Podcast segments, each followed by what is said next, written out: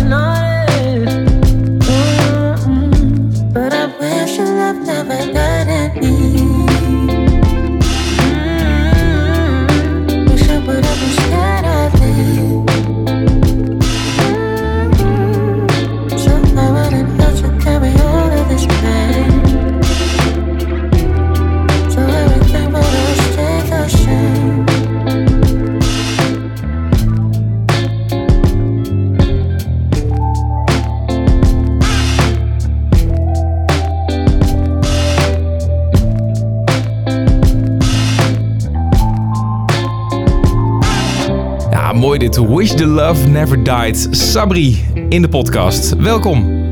Goedemorgen. Ja, goedemorgen is het voor ons. Ligt een beetje aan wanneer Ja. je de podcast beluistert. Maar eh, het is nu 9 uur s ochtends. Ja, eh, nog een beetje wakker worden? Of eh, klein beetje als ik heel eerlijk ben. ja? Is dat vroeg Ja, voor jou, ja. 9 uur? Nee hoor, want ik sta 9 uur al, ben ik al ready en aan het werk. Ehm, maar ik weet niet, ik had een beetje een rare nacht. Ik werd eens elk uur wakker. Oh. En eh, Ja. ja. weet je, zo'n soort nacht was het. De spanningen Dus, voor eh, dit interview. Ja, super. ik was heel erg zenuwachtig. ja, ja, ja.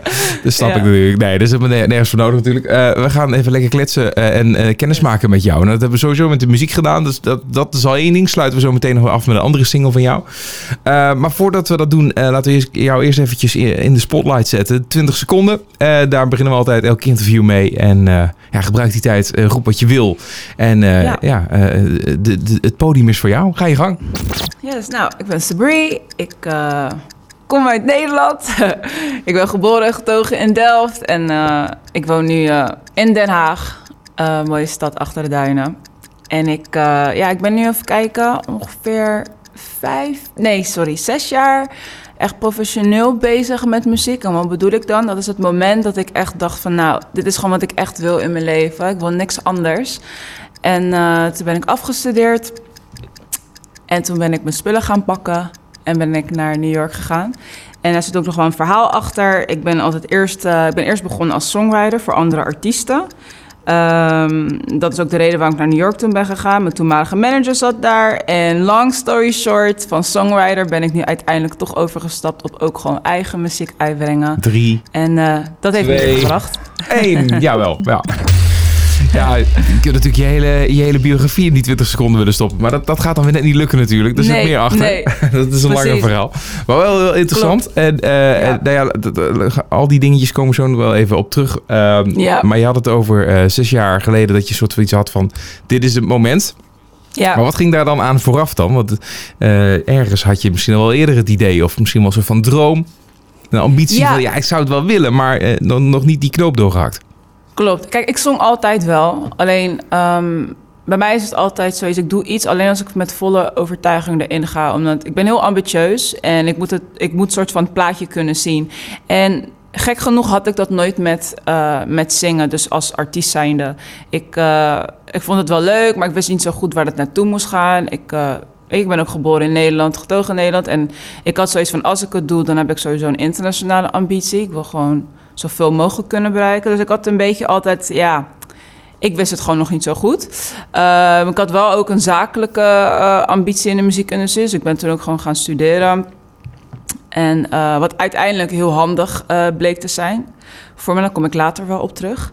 Eh, maar ik kan nog heel goed herinneren dat ik dacht van... nou ja, goed, ik speel geen, geen instrumenten. Althans niet goed genoeg. Ehm, ik dacht, nou goed, als ik muziek ga maken... dan wil ik wel ook iets kunnen betekenen daarin. Dus dat ik niet klakkeloos liedjes ga inzingen. Dat, dat, dat zou sowieso nooit bij mij passen.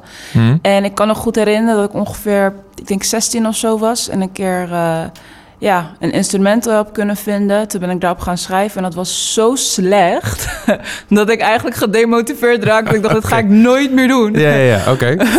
Ja, dus eh, nee, dat, dat eh, maakte me zo depressief. Ik dacht, nou, ik ben echt slecht. Nee, dat ga ik nooit meer doen. Dus nou goed, eh, dat heb ik eh, toen laten varen op dat moment. En fast forward, op een gegeven moment... Vanuit mijn studie moest ik een keer stage lopen bij een, eh, een, muziekconferentie. En eh, een van mijn taken was eh, ja, de, de artiesten en de, de, de producers en songwriters die hier naartoe waren gehaald uit Amerika, die moest ik begeleiden. Eén daarvan waren Rock City, dat is een, een duo die misschien sommigen nog wel kennen, ook van een eigen hit met Adam Levine een paar jaar geleden. Eh, maar goed, op dat moment hadden ze dat nog niet. En zij waren toen alleen songwriters.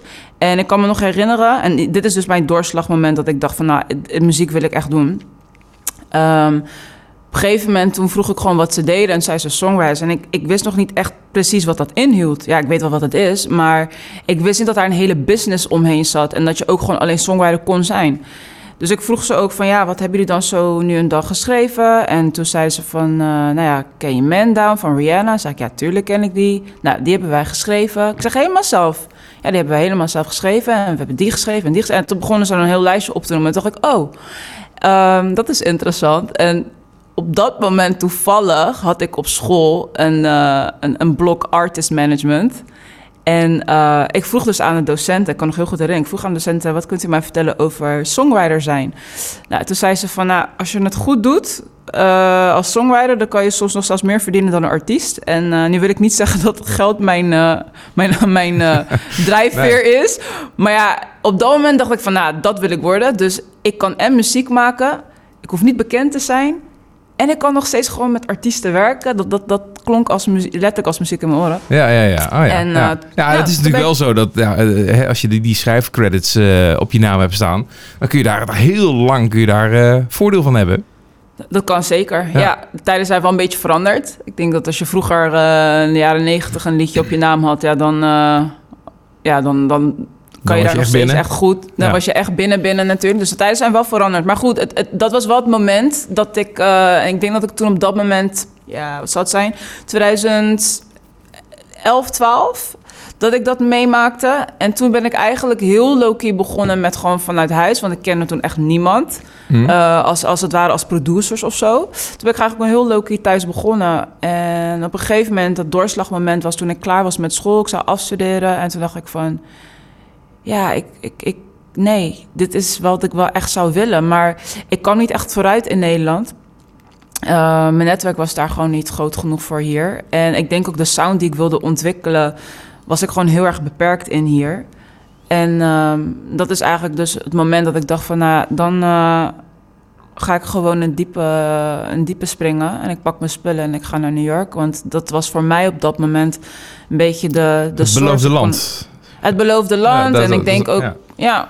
Dus dat eigenlijk. Ja, en toen ben ik me daar gaan... eh, ja, En, zeker. goed, je, kende daar al- dan al wel wat mensen. Je had dan wat eh, connecties of zo waarbij je een start kon maken? Of, of was, was het ook wel Nee. voor je gevoel van... Nou, ik ga daar echt gewoon ja, volledig blanco heen en...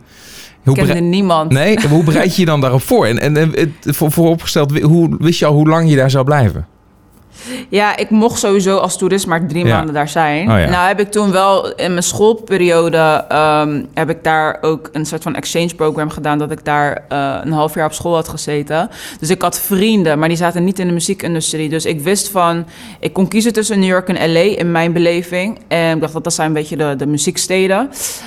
Maar ik dacht, nou goed, LA kende ik echt niemand, niemand. En ik dacht, New York heb ik nog tenminste vrienden. Dus Ja. ik dacht, ook al verveel ik me, dan kan ik altijd nog daar terecht. Ja, nee, goed. En misschien met dingen als Ja. eh, dat je een, eh, een woning of zo... of eh, dat je ergens kan verblijven. Ik weet niet of dat Nou ja, makkelijk is. Nee, ik heb dus eigenlijk gewoon echt alles helemaal zelf gedaan. Wat dat betreft ben ik wel echt heel independent en hou ik er niet van om op andere mensen om dat soort dingen te bouwen. Dus ik had gewoon heel veel geld gespaard en met een buffer ben ik daarheen gegaan. Een klein kamertje in Harlem heb ik gezeten drie maanden lang. En dat was eerst de eerste drie weken. Het was eigenlijk net een film. Ik kwam daar aan, mijn spullen werden op, eh, door de taxichauffeur buiten gezet. En eh, toen moest ik het maar gaan, eh, allemaal gaan ondervinden. Ja. En ehm, ja, ik, ik, ik heb de eerste drie weken van die trip heb ik ook echt letterlijk niks kunnen doen. Want ik kende niemand in de muziekindustrie. En het is gewoon eigenlijk heel toevallig op een gegeven moment toch op mijn pad gekomen. Ehm, ja. Ja? Dus ik... eh, Wa- wa- Wat bedoel je op je pad gekomen? Wat gebeurde er dan na Nou, drie weken? nou, op een gegeven moment was er een, een- een- ja, iemand die me een beetje volgde op Instagram. Vanuit Nederland, dat is nog wel de ironie van dit. Iemand vanuit Nederland die ik ook totaal niet kende. Die me wel volgde op Instagram, want ik wel altijd videootjes en dingetjes plaatste. Hm? Die zei op een gegeven moment, ja, tof dat je daar bent. En eh, ken je daar mensen en zo? Ik zeg, nou, ik ken eigenlijk echt niemand. Hij zei, nou, ik ben echt fan van een producer. Eh, die komt uit L.A. volgens mij. Maar ja, die ken ik niet echt persoonlijk. Maar wie weet kan ik je wel linken met die persoon. Ja, het klonk voor mij te mooi om het waar te zijn. Maar ik dacht, nou, is goed, probeer maar. En, eh, en zodoende ehm, heeft hij mij in contact gebracht met die persoon, met die producer. Oké. En nou ja, goed, netwerken ben ik dan wel weer sterk in. Zodra ik wel iemand ken, dan, ga ik, dan weet ik wel hoe ik daarmee kan omgaan. Dus een gegeven moment eh, raakte ik eh, aan de praat met die producer. En eh, die had wel wat dingetjes gehoord. Die zat in, in New York op dat moment ook. Die zat in, nee, die zat dus ook in LA, dus Oh. die had ik ook nog nooit gezien. maar ja, de grap is ook wel... Oh ja, dat is trouwens ook nu de persoon die Wish the Love Never Died heeft geproduceerd. Dus we zijn ook echt hele goede vrienden geworden, Oh, gek genoeg. Heel goed. Ja, dus dat is een hele leuke relatie uit ontstaan. wie is dat dan? Paperboy Vape, ja. Die had toen op dat moment ook al wat dingetjes gedaan. En ik was een beetje zijn muziek gaan checken. En dat vond ik gewoon heel erg tof. En eh, nou goed, die hoorde wel mijn stem. En hij zei van, nou ja, ik vind je wel echt heel tof. Ehm, ja, ik zit in LA, maar ik ken, wel, ik ken natuurlijk wel mensen in New York. En eh, ik kan wel, ik, ik, er is wel één specifieke persoon waar ik je denk aan zou kunnen linken. En zo is het balletje gaan. Zo is dat gaan rollen, ja. Wat goed. Ja, Ja. ja. En, en ja, heel, tof, heel tof natuurlijk. En, en eh, ehm, even over jouw naam, hè. Eh, Sabri, ha- had je dat eh, Ja. al... eh, ja, dat is, dat is je achternaam, hè? Voor de duidelijkheid. Of niet? Of Ja, het is mijn achternaam, klopt. Ik, ehm, nou ja, goed, ik, ik, ik zat toen heel erg te twijfelen van... ja, wat voor naam wil ik? Wil ik me gewoon mijn volledige naam? Maar ik merkte ook in een periode dat ik daar op school zat... dat het in... Nogmaals, ik heb een internationale ambitie... dus ik zat heel erg te denken van... nou, wat werkt nou internationaal? Voor iedereen gewoon. En ehm, ik weet nog in mijn tijd op school daar... dat mijn, volle- mijn volledige naam is Lubna Sabri. Eh, in het Engels Lubna Sabri. Maar ze struikelden altijd over mijn voornaam. En ik dacht, nou weet je wat, waarom niet gewoon Sabri? Ja, ja, het, nee, ja. Betekent, ja, het betekent trouwens, en dat is het leuke van het alles... eh, het betekent geduld in het Arabisch. Dus het heeft ook nog wel echt een betekenis. En geduld heb ik zeker gehad in de afgelopen jaren. Dus eh, Ja, ja. dat zeg je ook wel met een soort van bittere nasmaak. Dat je denkt, van, ja, Ja. dat hè, het was, het was wel veel geduld hebben. Het is heel veel geduld hebben. Ja, je moet wel echt heel sterk mentaal zijn. Wil je, ehm, ja, wil je overeind blijven, zeg ja? maar. En waar merkte je dat Dus, vooral aan? eh, Eén een voorbeeld noemen waarbij, waarbij je geduld echt eh, op de proef werd eh, gesteld? Nou ja, je moet wel... Kijk, ik ben natuurlijk, wat ik al zei... ik ging me eerst volledig focussen op ontwikkelen als songwriter... en daarin dus ook het pitchen van mijn liedjes aan andere artiesten. Nou, je moet wel echt een hele lange adem hebben. Wil je iets voor elkaar krijgen? Eh, op een gegeven moment toen ik de switch maakte naar... en wat ik dan bedoel is dan beloftes. Hè, van, nou, dat bijvoorbeeld een artiest, dat heb ik een paar keer meegemaakt... dat een artiest het ook echt nam... En vervolgens eh, sommige gevallen zelfs werd opgenomen, maar dat dan toch niet uitgebracht werd. Omdat dan toch het album een andere kant op ging of wat dan ook. En dan Ja. heb je bijna dat gevoel van oké, yes, I made it, maar I made it not. dus eh, dat is dat vooral. Dus er waren ook heel veel teleurstellingen. ehm, en ja, ik denk dat het een beetje mens eigen is als je een beetje dat je, als je teleurstellingen hebt, dat je dan daarna heel snel weer in zo'n diep dal komt en dat je dan weer jezelf, dat je weer moed bij elkaar moet rapen Ja. ja. om dan weer door te gaan. Dus ik heb dat heel, heel vaak meegemaakt en ook echt een paar jaar. En eh, nou, op een gegeven moment eh, maakte ik de switch om eh, toch mijn eigen muziek uit te gaan brengen. En dan kom je ook, nou, dan loop je weer tegen hele andere dingen aan. Nou ja, je, je begint dan alleen, want je hebt dan nog geen label. Eh, heb ik trouwens nog steeds niet, maar je hebt eh, dan geen label en dan komt er weer een label op je pad die dan wel weer wilt, maar dan weer met deze voorwaarden waarvan je dan denkt, ja, teken ik nou mijn leven weg of niet? Eh, een beetje dat, Ja, zeg ja, ja. maar. En dan, dan komt het toch weer uit op niks. Dus je bent. En ik wil nou niet negatief, want ik ben, ik ben hartstikke blij en trots waar ik nu ben hoor. Dus eh, uiteindelijk is het positieve van dit dat al die momenten mij hebben gemaakt tot wie ik ben. En dat ik gewoon veel ben gaan leren. Maar ehm, ik, in dat proces zelf, ja, dan moet je wel, je moet wel heel erg sterk in je schoenen staan om, om tegen alle tegenslagen te kunnen, zeg maar. En die, die zijn er wel, ja, die waren zeker aanwezig. Ja, ja, Ja. Nee, inderdaad. Het is ook heel realistisch hoor, zo iets zegt. Ik bedoel, eh, iedereen kan zich dat wel voorstellen. Dat hoef je niet eens voor in de muziek eh, te werken per se. Eh, Klopt. Dat gebeurt natuurlijk eigenlijk overal wel. En, Tuurlijk, en als ja. je ergens wil komen, zeker met, met grote dromen en ambities, dan, dan moet je er wat voor over hebben. En, en ja, en doorbikkelen, toch wel, Ja, zeg maar. Hè? Dat- ja. nou, Ja, maar het levert, wat je zegt, ook wel weer leuke dingen op. Je bent ook uitgeroepen tot de 3FM-talent.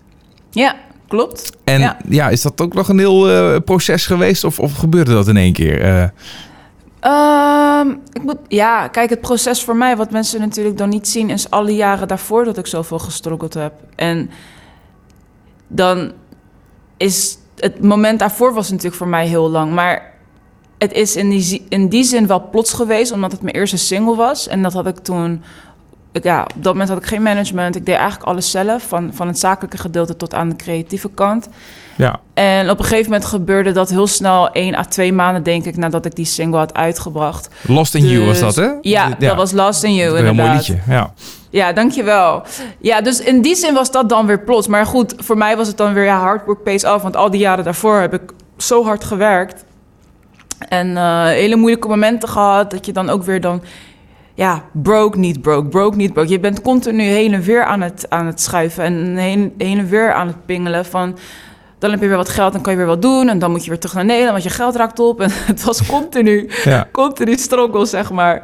Eh, dus voor mij was dat moment... duurde gewoon lang voordat ik daar kwam. Maar goed, om, als je er dan weer op een positieve manier naar kijkt... Ja, en je net je eerste single uitbrengt... en dan uitgeroepen wordt tot 3FM-talent... ja, dat is natuurlijk wel bijzonder. Ja, dat is. eh, en en, en heeft, je, heeft je dat direct ook heel, heel wat opgeleverd? Eh, Je, heb je het gevoel van, ja, daar gingen, gingen dingen in een, in een soort van stroomversnelling? Ehm, ja en nee. Ik, ik, ja, op zich wel natuurlijk. Want ik heb wel uiteindelijk naar al die... Ik denk, dat ik denk niet per se alleen 3FM. Het was natuurlijk een opstapeling van... Het was en support vanuit eh, Radio 2. En er waren nog andere, andere radiostations zoals Sport. Dus het is een beetje een bij elkaar... Ja. ja, het is bij elkaar gewoon één groot mooi ding. En uiteindelijk heb ik daar wel een boekingkantoor aan... Of een, eh, een, eh, contact aan overgehouden bij Agents After All. Dus...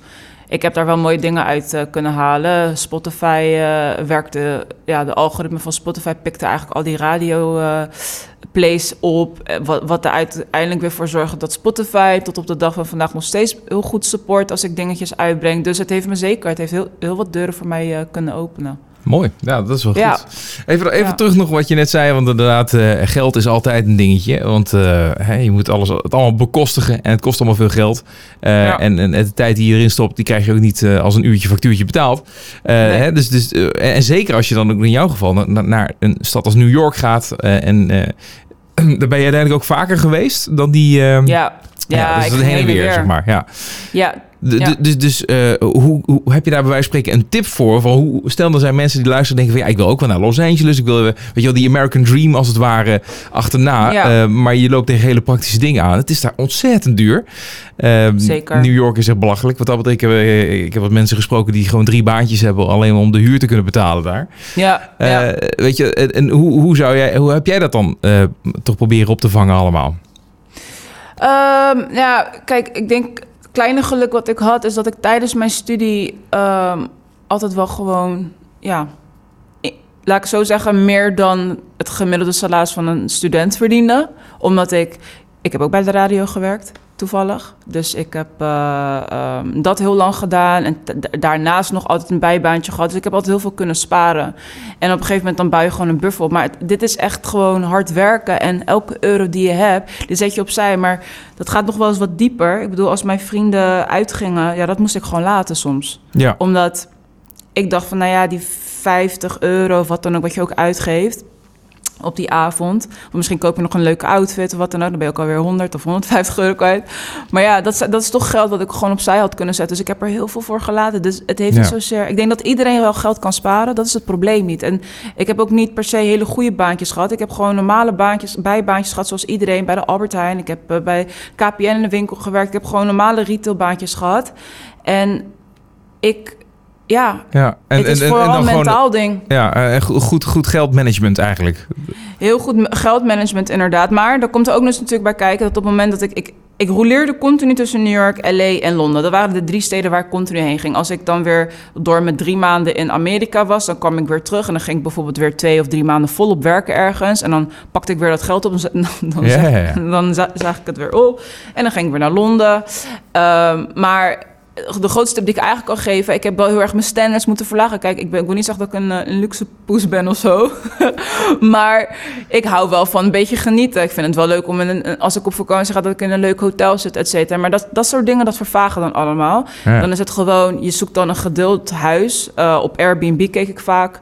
Eh, naar niet een eigen appartement, maar dan een kamer bij iemand. Dat soort dingen. Ja. Ja. dat scheelt al duizenden euro's als je dat over die drie maanden trekt. Ja, ja, ja. Waardoor ik eh, sowieso de kosten heel laag kon houden. Nou, in New York kan je heel makkelijk met, met de metro bijvoorbeeld eh, heen en weer reizen. Dus dat scheelt al heel wat. Ehm thuis koken, eten meenemen. Dus ik heb daar geleefd hoe ik hier zou leven. Knap hoor, ja, eh, dat is hartstikke goed. Ja, ja. nee, maar ja, dat je, daar ben je dan ook wel weer bewust van. En, en, en dat doe je Ja. dan ook met een, ja, met een doel voor ogen. Je weet waarom je dat doet. En dan is het Precies. natuurlijk ook wel wat makkelijker misschien om te doen. Dat je weet van, ja, wacht even, ik, zit, ik, wil, ik wil nog zoveel meer. Dan moet ik nu niet eh, alles in één keer over de bank, eh, balken gooien, weet je wel. Eh, Klopt. Ja, Ja, wat goed. Ja, respect. Dat, dat, ja, dat is hard werken zoals het klinkt. En, eh, en, eh, en ook even doorbijten. Maar ja, dan, dan, dan levert dat uiteindelijk wel wat, wat op. Dat is natuurlijk, eh, daar geloof ik natuurlijk ook sowieso wel in algemene zin. Als je veel tijd erin steekt, veel moeite, uiteindelijk eh, weet je wel, betaalt dat zich wel uit. ja. Op een of andere manier. En eh, Ja. ja. goed, veel ba- bijbaantjes. Je zegt dus, je hebt ook eh, bij, bij de radio gewerkt in combinatie met, met, met je opleiding. Dat deed je daarnaast. Wat deed ja, je dan? ja, ja. Ik, zei- ik eh, was radioreporter bij, eh bij Phonics. Oké. een tijdje. Ja. Oh, leuk. En, Ja. ja. ja, het was wel leuk, was een leuke tijd. En eh, nou, ik studeerde af toen op dat moment. Ehm, en ik heb eh, daarnaast gewoon altijd nog een ander bijbaantje gehouden bij de KPN. Daar heb ik echt heel lang gewerkt. Bijna mijn hele studietijd. Dus dat, dat, daar haalde Dat, ik eigenlijk eh, al mijn inkomsten uit. Ja, ja, goed. Dus, eh, Hey, en, en nou nu zijn we nu hier. Eh, je hebt een nieuwe single uitgebracht. En eh, waar, waar zie je je nu staan in je, in je ja, carrière, zeg maar? Hoe, hoe voelt het nu waar je nu bent? Ja, ik voel me, om heel eerlijk te zijn, heel goed. Ik, eh, ik heb gewoon de afgelopen jaren veel geleerd. Ik, heb, eh, ik ben nog steeds independent. Dus ik heb, niet, eh, ik heb geen label. of, of, of publisher. Of En dat wil je anders of, of dat wil je zo houden? Ehm, nou, ik zeg altijd wat op mijn pad komt. Kijk, ik doe gewoon mijn ding. En dat gaat volgens mij best wel leuk op dit moment. En ik denk van ja, als het op je pad komt en het is... Het moet voor mij nou voornamelijk gewoon goed voelen. Ik heb natuurlijk best wel wat... Ik heb wel wat aanbiedingen gehad. Maar dan denk ik van ja... Dan, dan zat altijd wel iets bij dat ik dacht van ja, hier voel ik me nog niet goed bij. Maar ik sluit het zeker niet uit. Ehm, alleen ik wil niet... Hoe zeg je dat? Ik, ik, ik zie wel eens bijvoorbeeld bij, bij, eh, bij andere artiesten die ik gewoon ken... dat ze zo gefixeerd zijn op... nou, het moet een label en ik moet en als dit en als lukt het niet. Blablabla. Maar ja, ik hou niet zoveel van vastclaimen aan één ding... en dat alleen maar op, echt op die manier kan. Er leiden gewoon meerdere wegen naar Rome... en dan zien we wel hoe ik uiteindelijk in Rome terecht ga komen. Of dat dan wel met een label is of nog steeds independent.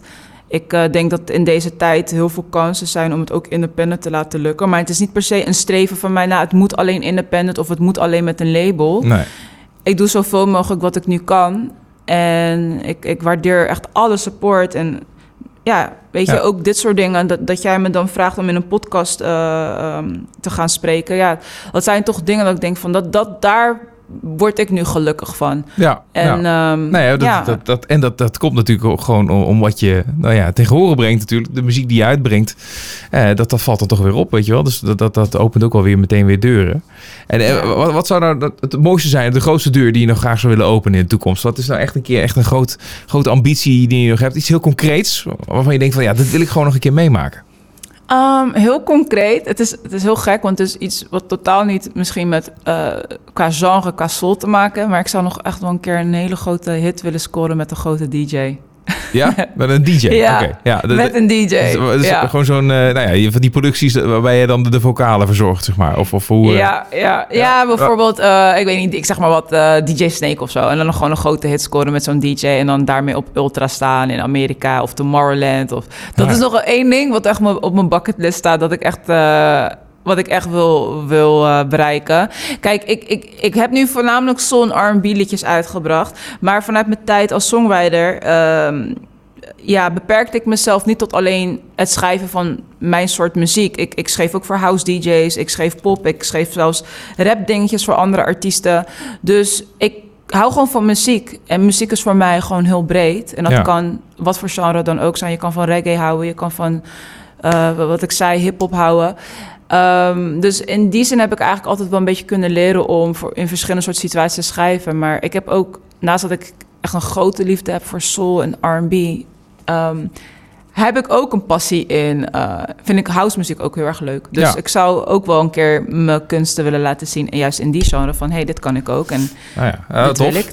Hey, en, eh, we begonnen het, het gesprek met van, nou ja, als je gaat schrijven, dat levert dan ook nog wel het nodige op. Nu heb je dus inmiddels allerlei dingen geschreven. Merk je er dan wat van? Is dat nog iets wat, hè, ook al heb je dat bij wijze van spreken jaren geleden een keer geschreven, dat dat nog wat oplevert op een of andere manier, al dan niet financieel?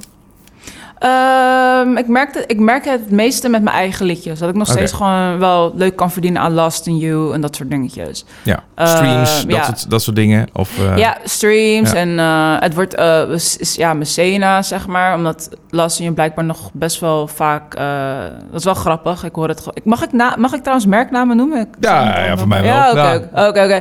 Nee, het is wel grappig. Als ik dan kijk in die transcripts op Seda... dan zie ik bijvoorbeeld dat Last You nog steeds bij de Action... en dat soort dingen gebruikt. Oh ja, gewoon in de winkels. Ja, bij de paté of... eh, ja, dus dat, dat is wel grappig. Dat is dus, grappig, ja. ja. Ja, dus daar verdien ik nog wel wat aan, ja. Dus dat is wel leuk. Ehm, ja. Hey, en dat je soul en R&B, eh, dat, ja, dat, dat heer- heerlijke stijlen en dat, dat, dat, daar kun je zoveel mooie muziek eh, mee maken. En zijn er grote inspiratiebronnen die jij hebt, eh, die, ja, die jou hebben geïnspireerd om, om, een, om in deze stijl muziek te maken? Dat kunnen artiesten nou, van alle tijden zijn, hè? Ja, nou ja, ik, ik denk als ik heel... Kijk, ik kan heel specifiek zeggen. Als het gaat om het zingen... Dus hoe delivery, eh, delivery en, en, en, en alles. Ja, ik heb altijd heel veel geluisterd naar, ehm, eh, naar Lauren Hill, eh, Amy Winehouse. Ik heb nou, gewoon ook heel veel oldschool muziek. Oh, dat is voornamelijk echt puur om het zingen zelf.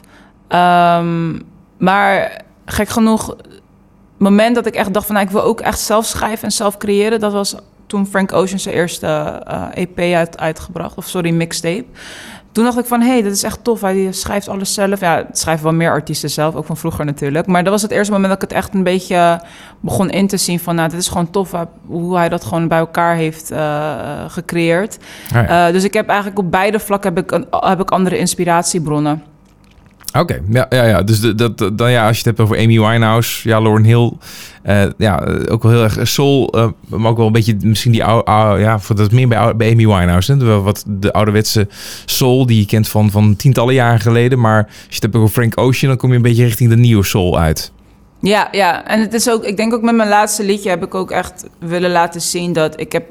Kijk, Last and You and Something I Know waren heel erg old school.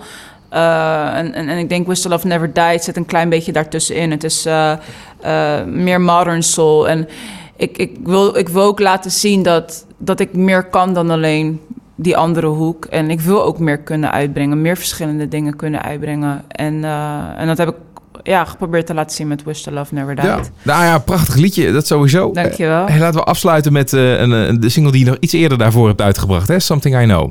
Ja, Kun je daar nog wat over vertellen? Ja, dat is eigenlijk best wel een leuk verhaal. Eh, dat was eigenlijk een liedje die ik bij een, eh, een artiest had geplaatst. En dat hadden ze ook genomen. Eh, Bij wie? Maar die, ehm, dan zal ik, ja, Rihanna. Oké, ja. ja, dus, ehm, maar goed. Eh, zoals we een beetje allemaal weten, is er nog steeds geen muziek uitgebracht vanuit haar. Dus op een gegeven moment, ja, ik dacht van ja, ik op een gegeven moment wist ik ook niet meer, gaan ze er nog wat mee doen, gaan ze er niet iets mee doen? Toen dacht ik van nou, ik, eh, ik ga er niet op wachten. Ik eh, vind het een mooi liedje en ik ga hem lekker zelf uitbrengen. Oké. En ja, dus Maar- dat is eigenlijk maar heb je dat dan- een leuk verhaal. Ja, dat is heel grappig. Maar heb je dat dan uit eigen initiatief gedaan? Zo van, nou, Rihanna, ik heb een liedje voor je geschreven. En dat gaat dan waarschijnlijk via management of zo. Ik weet niet hoe je dat, hoe je dat bij haar Ja. brengt. Of, of, Ja, of, of wist je van, ze heeft, ze heeft wat nodig of zo? Nee, ik, ehm, ik, ik, ik, ik, ik had de industrie goed gebestudeerd. Nou, jeetje, kom even niet uit. Dat is de ochtend hoor. ik had de industrie goed bestudeerd. En ik wist wel wie wat waar. En ik wist ook wie haar ENR was en dat soort dingen. Niet dat ik hem persoonlijk kende, maar ik wist wel dat ik dan bij hem moest zijn. En ik was toen in LA.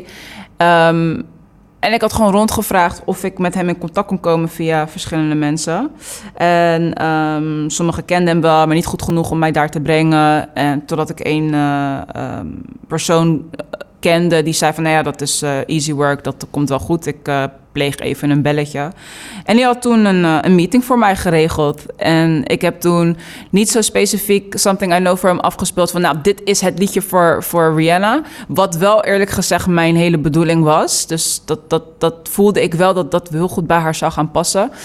Ehm, maar ik had gewoon verschillende liedjes eh, afgespeeld. En, eh, en toen kwam dat liedje. En toen dacht ik van, nou, dit is heel dope. En eh stuurde het naar me. En zo is het eigenlijk een beetje gaan rollen. Ja. Ehm, maar, je, hebt- maar op een gegeven moment krijg je dan terug van, ja, het wordt niet gebruikt of zo. Of je hoort er helemaal niks meer van. Ehm, hoe ging dat ook? Ik moet even ook zo ook weer nadenken. Dat is ook best wel lang geleden, 2017. Nee, ik weet alweer hoe het ging. Wat uiteindelijk gebeurde is dat eh, ze een riding camp zouden organiseren in Londen voor haar album, die er nog steeds niet is. Ehm, maar dat was dus zeg maar de, de, haar komende album. Dat was een riding camp toen in 2017. Daar hadden ze me toen voor uitgenodigd om daar aan mee te doen. Ehm, en toen ben ik daarheen gegaan. Er is toen niet iets uitgekomen wat, wat, wat tof was. Ehm, sterker nog, ik had daar echt te maken met een hele grote writersblok. Dat, is echt, dat was zo traumatiserend. Er kwam echt niks uit. Ik denk door de druk of zo dat ik daar zat. Ik dacht van, nou, nu kan ik echt iets schrijven voor Rihanna. Maar ik ben toen teruggekomen. Uiteindelijk wel gewoon een beetje contact gehouden. En ik, ik, ik probeer even na te denken. Volgens mij was er een mail verstuurd naar ze. eh, naar, naar, naar, die, naar die ENR. En dat ging om iets heel anders. En toen kwam er eigenlijk als antwoord terug van... hey, trouwens, wij willen dat liedje... eh, laten we erover connecten van hoe en wat. Dus zo is het eigenlijk gegaan. Ik had, was helemaal vergeten. Ik had ook helemaal niet verwacht dat ze het zouden nemen of wat dan ook. Maar dat is gewoon zo gegaan. Maar eh, nou ja, nogmaals, uiteindelijk, weet je, fast forward is er eh, niks mee gedaan. Nee, oké, dat, eh, dat bedoel ik. Maar, ja. dus, dus- maar Ja. daar kreeg je dan wel bericht van of zo? Dat zo van, nee, Nee, ik heb er niet. nooit iets Nee? meer van Het gehoord. is gewoon een nee, soort van doodgebloed. Het is doodgebloed en ik denk ook dat het echt oprecht te maken heeft met, nou ja, onder andere dat ze nog in, de pro- in het proces zit van het creëren van haar album. Ja. Eh, Maar zou ja, het nou en- kunnen zijn dat ze het toch nog alsnog gaan gebruiken? Ondanks dat jij het nu ook al hebt uitgebracht eigenlijk in jouw versie. Nee, Dan wordt ik het een soort van het cover. Ja, dat wordt de cover, ja. Kom, ja. Nee, ik denk het niet, want ik ben daarna nog een keer benaderd. Toen heb ik nog een liedje geschreven en dat was reggae. Omdat zij eh, de switch hadden gemaakt naar een reggae-album. Dus ik denk dat sowieso het oldschool helemaal van de tafel is. En dat ze, eh, het is heel bekend sowieso dat zij nu bezig is met een reggae-album. Ehm, dus ze hebben de switch sowieso gemaakt naar iets heel anders. Dus ik, da- dat was ook voor mij een beetje het doorslag dat ik dacht van... nou ja, we zitten... op dat moment zaten we in 2020 en ik dacht... nou ja, het is nu al toch zo lang geleden. Ik, eh, en, en, en ik wist al meerdere malen dat ze aan iets anders bez- met iets anders bezig waren. Dus ik ga er echt niet van uit dat ze daar nog op terug zouden Ja. komen. Oké, ja. Ja, en anders is het heel erg ironisch. Ja, Dan, precies. eh, eh, mooi zou het ja. zijn. Ja, mo- Ja. Mooi verhaal. Nou, leuk. Laten we daarmee afsluiten. Sabri, dankjewel voor je tijd. Something I Know ga ik nu draaien. En ik, nou, ik wens je veel succes. Eh, volgens mij moet het helemaal goed komen. Je hebt de, de ambitie en de power om het, eh, om het te doen. Dankjewel. Tired of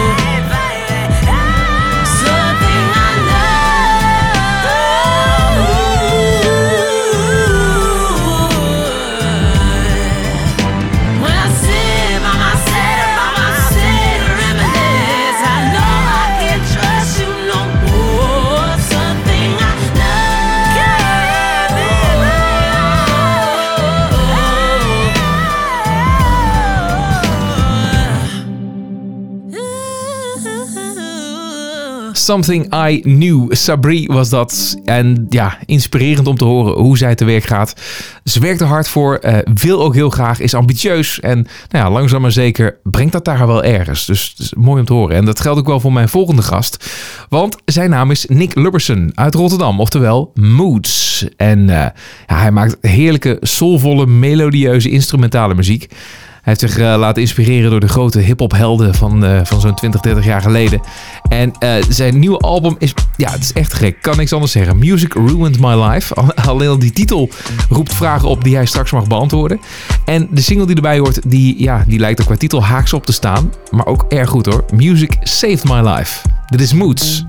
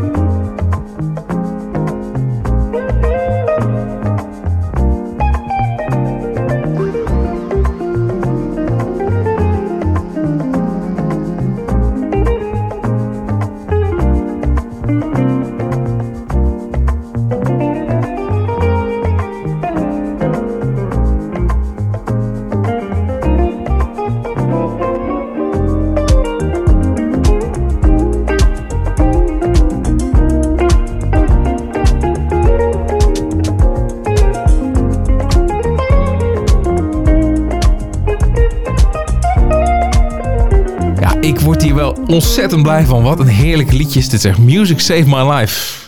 Moods, oftewel eh, Nick, Nick Lubberson. Goeiedag zeg. Goeiedag, JP. Leuk dat je bent eh, hier in, de, in onze podcast. Welkom. Ja, dankjewel. Leuk om, eh, leuk om even langs te komen, uiteraard. Ja, en wat ik al zei, complimenten voor deze single. Het is echt, echt ik kan deze op de repeat zetten. Dat meen ik serieus. Dat zeg ik niet op de slijm of zo. Dat is, eh, het klinkt Oh, gewoon ja, wat heerlijk. leuk. Ja. Wat leuk om te horen, man. Ik, eh, ja, het was oprecht ook echt een, een feest om deze, dit nummer in elkaar te zetten. We hebben uiteindelijk met de band hebben we alles opgenomen in vier dagen. En ook deze single dus. Ja? En eh, dit was wel vrij snel duidelijk dat het een single moest worden van het hele project. Dus eh, Ja? Waar, waar, Ja, waar vandaar merkte je dat dat dan aan dan, op dat moment? Nou ja, omdat het gewoon een bepaalde catchiness heeft. En eh, de- eh, het vloeit lekker door. Dus het is wel het is makkelijk om te luisteren. Easy listening. Ehm, Ja, ja dus zeker. dat, dat ja. helpt wel. Ja, het is dat, dat, eh, dat blazerstukje, eh, die, die, die lekker slepende beat erin. Ja. Dat, eh, dat, dat, dat doet je blijven luisteren. Heel goed, heel goed. Ehm, goed, we gaan verder praten, Nick, over jou, over de muziek die je maakt en, en, en wat er allemaal achter zit. Maar zoals gebruikelijk hebben we even 20 seconden voor je. Dat is even de zendtijd voor jou, om het zo maar te zeggen. Je kunt roepen wat je wil. Schaamteloze reclame. Maakt mij allemaal niet uit wat je wil. En daarna praten we vrolijk verder. Goed? Ja. Ga je gang. Yes, mijn naam is Nick. Ik eh, ben eh, beter bekend als Moods, een artiest, een muziekproducer, eh 18 jaar bezig en woonachtig, woonachtend in, in Rotterdam. En mijn nieuwe album is net uit, dus die staat op Spotify en Apple Music. Dus als je zin hebt om even wat muziek te luisteren, dan kun je die zeker even opzetten. 2, 1. Mooi binnen de tijd. Oké, ik heb mijn best gedaan. Ja, ja, nee, dat doe je goed, joh. Doe je goed.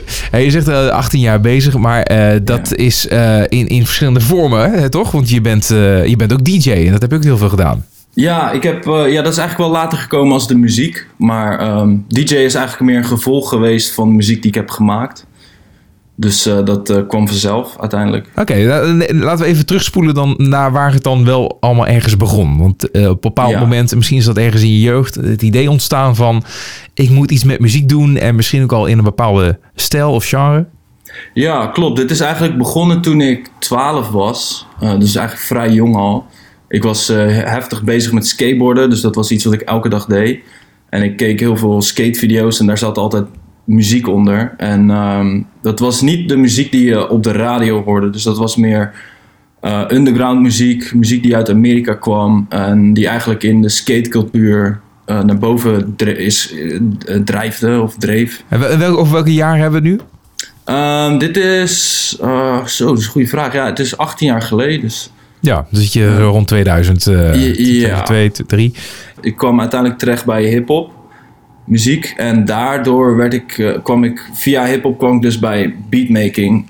En toen dacht ik van wauw, wat is dit? En ik wil weten hoe dit werkt. Ik wil weten hoe dit wordt gemaakt. En eh, ik weet nog dat er één album specifiek was wat ik ontzettend tof vond. En dat was van Pete Rock. En dat was Pete Instrumentals. Dat was eigenlijk een instrumentaal album. Wat best wel. ehm, ja, dit is, dit is, in die tijd was het iets raars wel. Want normaal heb je gewoon een hip-hop album met, met een rapper erop en teksten. En dit was een instrumentaal album. En ehm, dat was allemaal gesampled. Dus oude jazzplaten zijn gesampled. En die heeft Ja. hij opnieuw eh, verwerkt in een, in een beat. En eh, toen dacht ik van wauw, wat is dit? Dit is, dit is zo cool. Ik wil, ik wil precies weten hoe dit werkt en, en hoe die dit doet. Ja, en dat, ook zo iemand is, is Jay Dilla, denk ik. Hè? Die zal dan ook wel voor jou eh, Ja, een grote klopt, naam ja. zijn. Ja, dat, en daar kom ik wel later op hoor. Maar ja. Eh, Pete Rock was de eerste en, en inderdaad Dilla kwam ik later pas achter wat voor een geniale mind hij was in die hele beatwereld. Ja, Het hele, de wereld van sampling en eh, creatief zijn daarmee. Maar ook bijvoorbeeld hoe jouw beat klinkt. Dus wat voor ehm, technieken of tools je gebruikt om een bepaalde sound te krijgen. En dat, eh, ja, daar kwam. Je kan, je kan in principe gewoon een beat neerzetten. En dat klinkt dan op een manier. Maar als jij die bijvoorbeeld door een oude sampler heen haalt, dan klinkt het gewoon net weer even wat vuiger, wat anders. En heel veel van die hip-hop artiesten die, die, die deden dat. ja. Dus het geluid was gewoon. eh, maar, maar, ja, maar goed, hoe, hoe oud was je in die tijd? Eh, rond ja, 12, 13. Ja, 12, dat ik er 13. een beetje in, Maar- in dook. Maar hoe, hoe, weet je dat dan? Want we hebben het dan ook nog eens een keer over de ja, begintijd van internet en zo. Ik bedoel, oké, Ja. je kon wel wat googlen en zo. Maar ik heb het idee dat toen in die jaren nog niet alles zo eh, binnen handbereik ik, eh, was. Dus- Uiteindelijk ben ik een autodidact. Oké. Sorry, ik, eh, Nee, nee, nee. Ga, nee dat, Ik, ga verder. Dat is antwoord op, op de vraag, ja. Ja, ik, ik- uiteindelijk ben ik een autodidact, dus ik heb het mezelf geleerd. Maar ehm, in die tijd wist ik echt niet hoe ze dat deden. Maar ik heb dat door de jaren heen heb ik dat uitgevogeld. Maar ik wist wel eh, ja, dat het een sound was waar ik ontzettend eh, van hield. En dat ik dacht van wauw, dit, dit, is, dit is iets heel tofs en ik wil dit ook kunnen maken. Ehm, dus ik begon gewoon met produceren in Fruity Loops. Dat is dan mijn programmaatje waar ik alles in maak. Ja. En het klonk verre weg van wat ik hoorde bij hun. Dus ik dacht ook van, hoe, hoe doen ze dat dan? Weet Ja. wel? Hoe, hoe eh, krijgen hun zo'n sound eruit? Dus door de jaren heen ga je gewoon op onderzoek uit. En dan vogel je het eigenlijk steeds meer uit. Ja. En heb je dat in de vorm van een opleiding nog eh, ja, eh, verder weten te ontwikkelen? Nee, nee, nee. Ik heb ook ervoor gekozen om dat niet meer te doen. Want ik ben uiteindelijk als eh, grafisch ontwerper afgestudeerd. En muziek was altijd een hobby. En ehm, gek, ja, gek genoeg is dat dus nu, nu mijn werk. Maar ehm, ja, ik, eh, ik, het- ik was, dacht, als ik, het nu ga, als ik nu een studie ga doen daarvoor, dan eh, haalt het misschien eh, mijn eh, liefde voor de muziek weg. Ja? Ja, En, hoe kom je daarbij dan? Want het, voor anderen is het soms wel eens juist een enorme inspiratiebron. En, en, en ja, een katalysator om, om, om nog meer te doen juist. Ja, ik, ik heb het idee dat ik, ik vind het fijn om eh, muziek te maken volgens mijn eigen regels. En ik heb het idee dat in een opleiding leer je meer denken in hokjes. En eh, moet je ook heel veel dingen doen waar je eigenlijk geen zin in hebt. Ehm, dus eh, vandaar dat ik dacht van nou, ik, ik, hou het, eh, ik, hou het, ja, ik hou het gewoon bij een, een, Ja. een hobby en ik vogel het zelf uit. En dan is het dus inderdaad een hobby in het begin. Eh, Ja. Maar op een bepaald moment dan, dan, dan wordt, dat een ander, wordt het iets anders. Wordt het echt een droom om, om daar meer van te maken. Hè? En dan ja, ga je jezelf ook afvragen, nou, wat nou als het nou zo lukken om daar nou echt mijn werk van te maken? Wanneer was dat punt? Dat je dat ook zeker wist. Ja, dat punt was ehm, toen ik eigenlijk eh eerste management kreeg, of eerste, met de eerste manager ging werken. En hij had, eh, hij had mij gepitcht bij Kraak en Smaak. Ik weet niet of je hun kent. Zeker, ja. Ehm, en eh, hun hebben een label genaamd Boogie Angst. Dus ik was toen de eerste artiest die op dat label ging uitbrengen. En dat was eigenlijk voor het eerst dat mijn muziek ehm, echt officieel werd gereleased. Dus ook op Spotify en die streaming services. Dus toen merkte ik dat het, eh, dat het wat ging doen en dat het ook eh, geld ging genereren. Dus toen kreeg ik steeds meer het idee van: oh, oké, wacht, ik kan ergens naartoe bouwen. Oké, maar op dat punt dacht je nog, tot dat moment dacht je nog steeds van dit kan hobby zijn. Want het, het klinkt al Ja. aardig, aardig, ja, zeg maar, eh, ehm, eh, grote stappen die je dan al maakt. Klopt, ja. Ehm, eh, ja, eerlijk gezegd was ik altijd, is het altijd iets geweest wat ik ontzettend leuk vind om te doen. En ik vraag, ik hoef er niet zoveel van terug te krijgen. Ik wil het gewoon doen. Dus ik had nooit echt het idee van, oh, ik moet hier echt mijn werk van maken. Want ik wou eigenlijk wou ik een illustrator worden. Maar ehm, uiteindelijk is het dus zo eh, Ja. doorgevloeid en is het heel natuurlijk. eh, Ah, dat is wel goed, ja. En, en- je was tot die tijd dan ook, eh, wat betreft werk en inkomen, bezig juist in de grafische wereld. Nee, eigenlijk niet. Want ik, had, eh, ik wou eh, Willem de Koning gaan doen, eh, de academie. Ehm, en ik was er niet toegelaten, dus toen ben ik eigenlijk gaan werken. Dus toen heb ik een aantal baantjes gehad. En eh, uiteindelijk kwam ik tot een punt dat ik die baan, eh, mijn baan stop kon zetten en eh, verder kon in de muziek. Oké, wel- welke baan was dat dan? Wat deed je? Iets heel ik anders werkte dus? in, de, in de supermarkt. ehm, wat, was, wat is het? Markt met een Q. Die hipsterwinkel, zeg maar. Ja. En daar was ik, ja, daar deed ik eigenlijk van alles. Ehm, op zondag was ik store manager en door de week hielp ik eigenlijk met alle logistieke klussen die er, die er te doen vielen eigenlijk. Iets heel anders dus.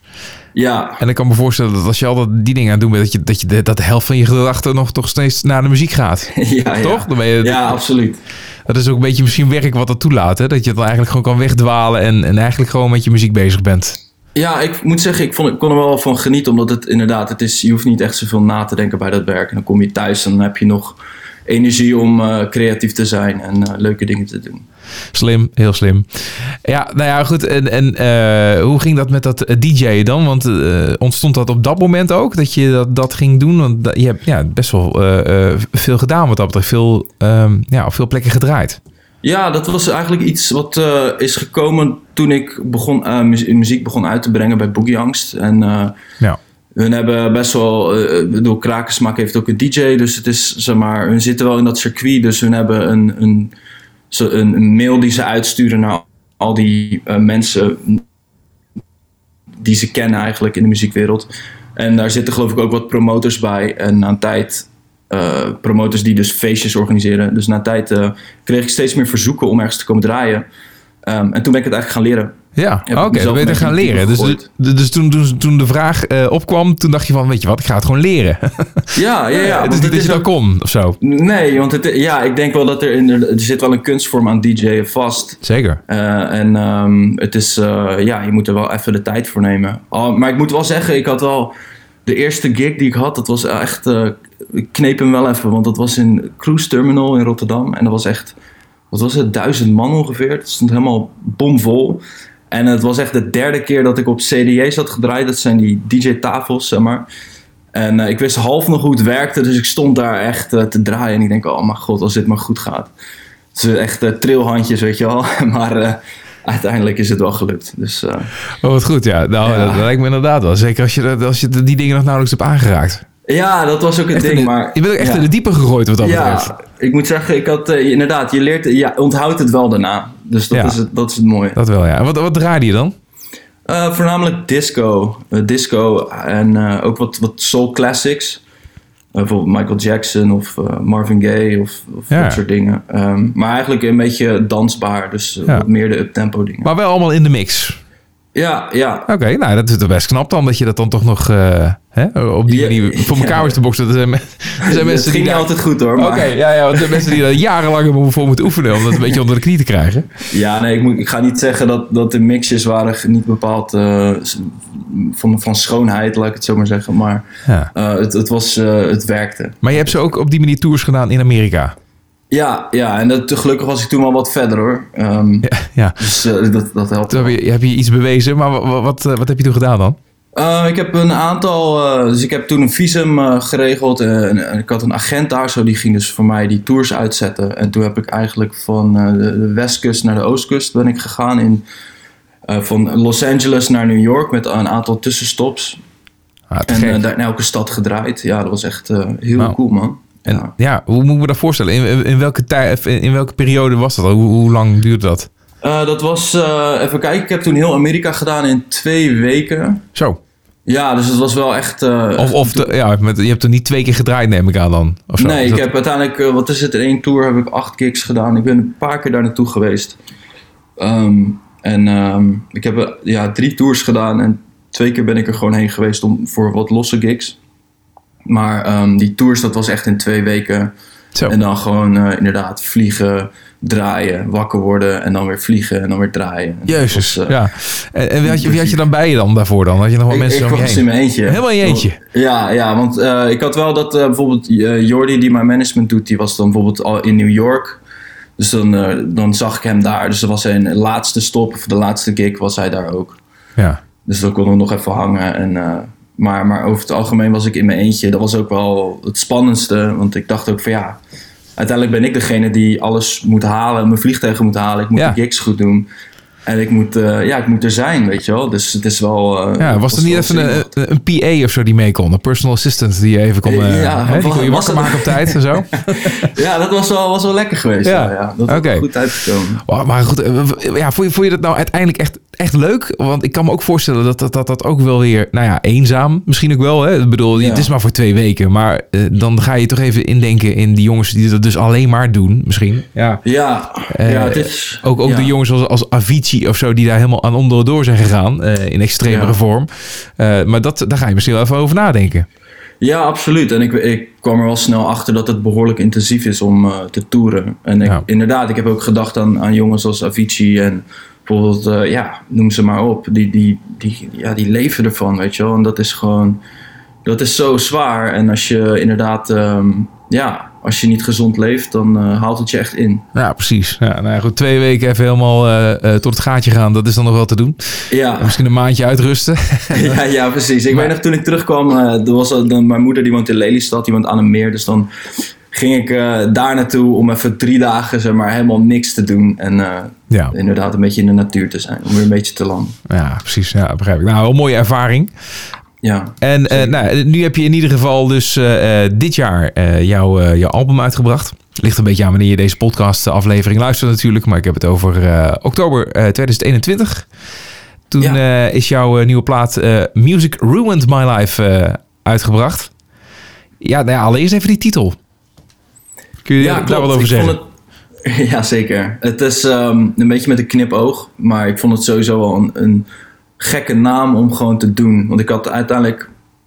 eh, was het concept... ehm, ik wou eigenlijk een heel mooie plaat maken. En een beetje eh, conceptueel mijn relatie met muziek erin verwerken. En ehm dat klinkt natuurlijk dat klinkt ontzettend moeilijk, maar dat, dat valt allemaal wel mee. Eh, uiteindelijk ehm, is het als artiest, ik denk in elk creatief vak ben je, heb je je ups en je downs in het vak. En eh, ik wou daar iets mee doen en ik heb af en toe inderdaad het gevoel dat muziek, dat ik, ik heb zoveel geofferd voor muziek, zoals ik al zei, ik maak het sinds ik 12 ben. Ik heb eh, heel veel tijd erin gestopt en heel veel, ehm, ja, heel veel, heel veel moeite erin gestopt. En eh, soms denk ik van ja, weet je wel, eigenlijk heeft het in, in een bepaalde zin op sommige momenten verpest het mijn leven behoorlijk. Omdat ik gewoon denk van ja, ik had al die tijd ook in iets anders kunnen stoppen. Wat, wat voor mij belangrijker of beter uiteindelijk werkt of werkte. Eh, maar ehm, uiteindelijk heeft het ook die kantelzijde. En dat is dus de single Music, eh, Music Saved My Life. Die, eh, je hebt inderdaad de, de kant ook dat het ontzettend mooi is. En dat- ik zoveel passie heb voor muziek maken. En dat het me zoveel brengt ook. Dus eigenlijk was dat een beetje het concept wat ik, ehm, eh, ja, wat ik wou aankaarten in de- deze plaat. Maar Mooi. wel op een speelse manier. Ja, ja zeker. Ja, nee, ik snap hem helemaal. En eh, wat zou je denken dat dat echt gewoon het moeilijkste moment was dan in die periode wat je dan omschrijft en dat je met muziek bezig bent, dat je echt op een gegeven moment in een soort van ja, laagste pu- putje zit als het ware en, en die je denkt van, jezus, waar ben ik mee bezig? Ja, het is, het- ik denk dat, dat je als artiest het makkelijk is om jezelf te verg- vergelijken met andere artiesten. Dat je dan ziet dat iemand al succesvol is en dat je denkt van ja, in principe, zie, in principe doe, maak ik dezelfde soort dingen en ik zie, ik snap dan niet waarom ik niet daar dan al ben, weet je wel. En dat soort dingen kunnen de lol vooral weghalen. Alhoewel, ik moet- wel eerlijk zeggen, ik ben er niet heel veel mee bezig hoor. Ik probeer vooral te doen wat ik zelf leuk vind. Ja. Maar Maar ja, goed, het ehm, is sowieso, zo, zit, zo zit het leven nou ook wel in elkaar. Je bent altijd aan het kijken naar wat Ja. anderen doen. En, en dat kan, maar goed, dat kan dus ook eh, frustrerend zijn eigenlijk dat je dat, ja, dat, je dat, eh, ja, dat een negatief effect op je heeft. Ja, in principe wel. Ehm, ik, ik, ja, ik denk dat dat het ook wel is. En eh, uiteindelijk, eh, ja. Maar is, er dan een, een artiest die jij, eh, ja, waarvan je echt denkt van ja, die, die doet gewoon wat ik ook wil doen. Dat is, hè, maar, en dat kan je, kun je negatief opvatten, maar ook er als een soort inspiratiebron. Zo van, daar droom ik van, dat wil ik graag. Ja, klopt. Er zijn wel een, paar, een aantal artiesten waarvan ik denk van... Oh, wauw, dat, had ik dat maar gedaan, weet je wel. Ehm, ik denk één artiest... Je, je, je, je zegt het Mind Design, maar het is M-N-D-S-G-N. En ehm, die heeft een eh, plaat uitgebracht die heet Rare Pleasure. En dat was, eh, ik denk een paar maanden geleden heeft hij die uitgebracht. En dat is echt een plaat waarvan ik denk... Oh man, als ik deze plaat had gemaakt, dan was ik... eh, Ja? ja, dat was, dat was leuk geweest, om het maar zo te zeggen. Waarom dan?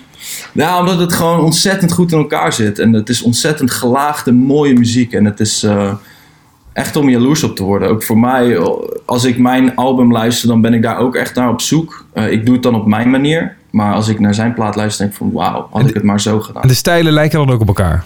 Ja, ja de stijlen zijn best wel... Oké. Ja. Mind design. Maar dat, dat schrijf je dus als een afkorting. ja, het is M-N-D-S-G-N. Oké, Dus het nou, een keertje opzoeken. Leuk, ja. Ja. En ehm, ja, wat over die stijlen. Want hoe ben je nou gekomen tot het geluid wat je nu hebt eh, gemaakt voor eh, Music Ruined My Life? Ehm, dat is eigenlijk, ik denk, een, mooie samenvatting van alle muziek die ik wel eh, eh, veel luister in mijn leven.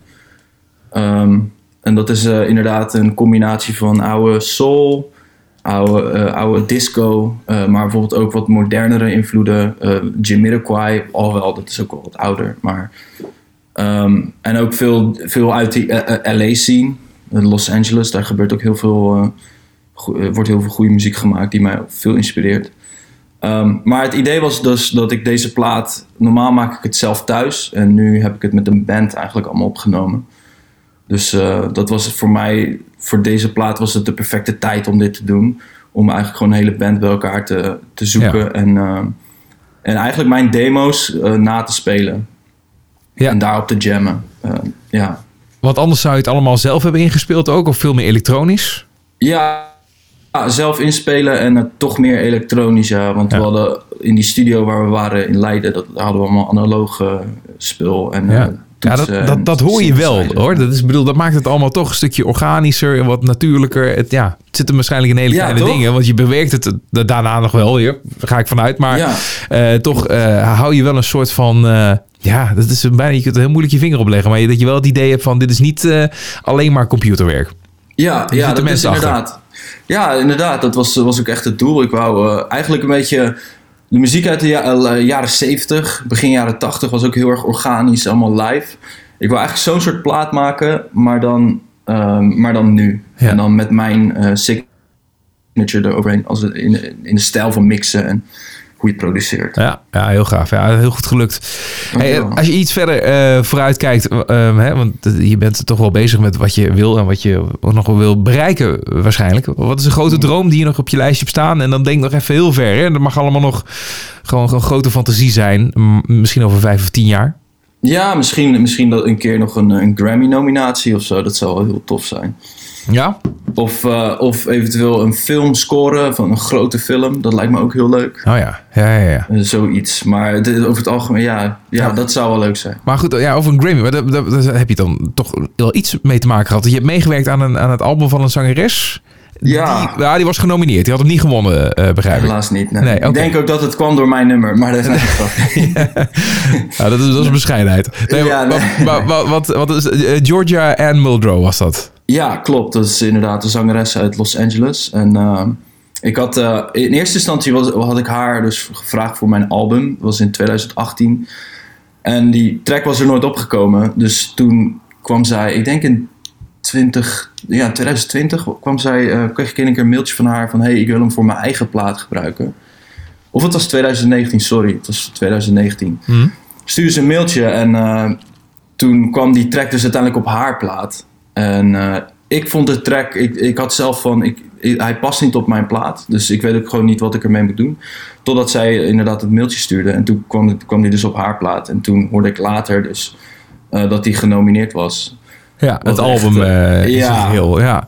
Voor, voor beste urban contemporary. Ja, klopt ja, dat was het. Ah ja, maar dat is wel, eh, wel toch wel mooi. Dat, dat- en ja, kijk, daar heb je natuurlijk gewoon aan bijgedragen. Laten we eerlijk wezen.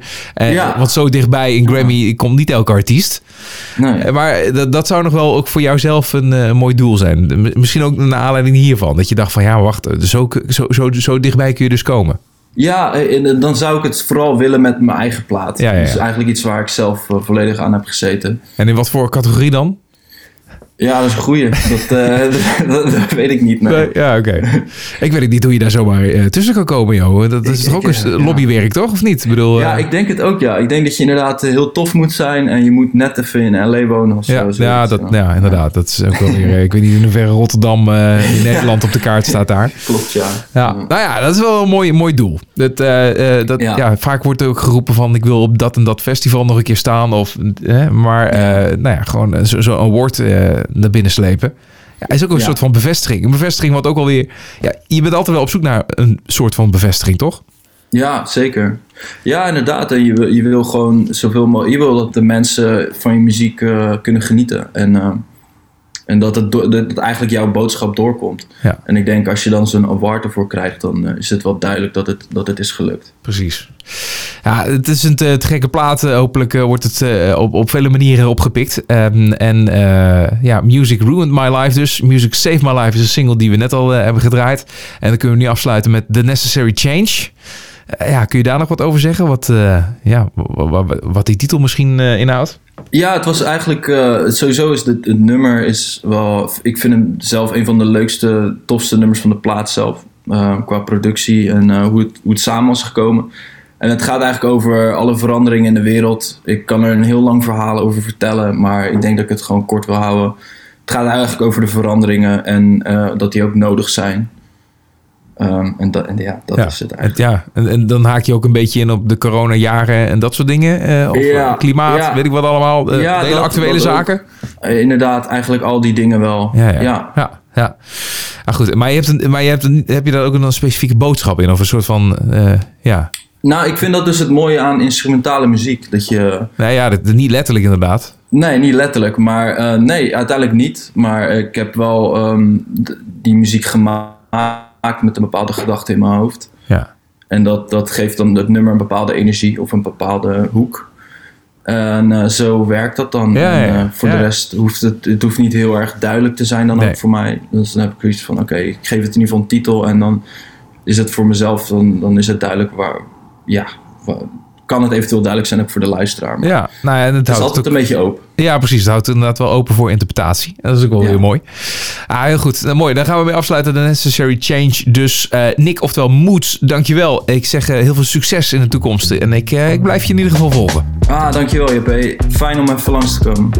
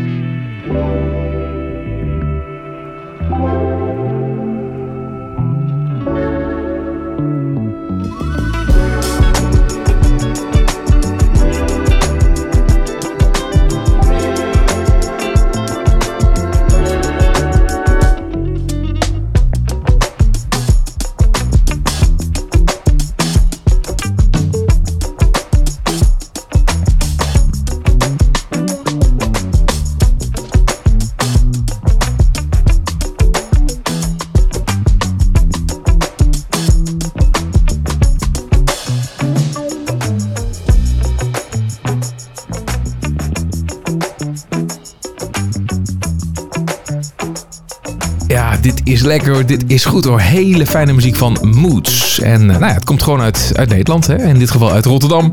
En eh, daarvoor sprak ik nog met Sabri uit Den Haag. Maar goed, die eh, gaat regelmatig naar de, de grote steden van de wereld. En eh, dat zegt ook wel iets over haar dromen en ambities. Die zijn ja, ook heel erg internationaal. Ja goed, mooie artiesten deze aflevering van Wat Nou Als Het Lukt. Ik eh, spreek je graag de volgende aflevering weer. Tot die tijd, eh, je reactie en je tips zijn welkom. Check ons op social media, Instagram of Facebook. Of eh, kijk op watnoualshetlukt.nl.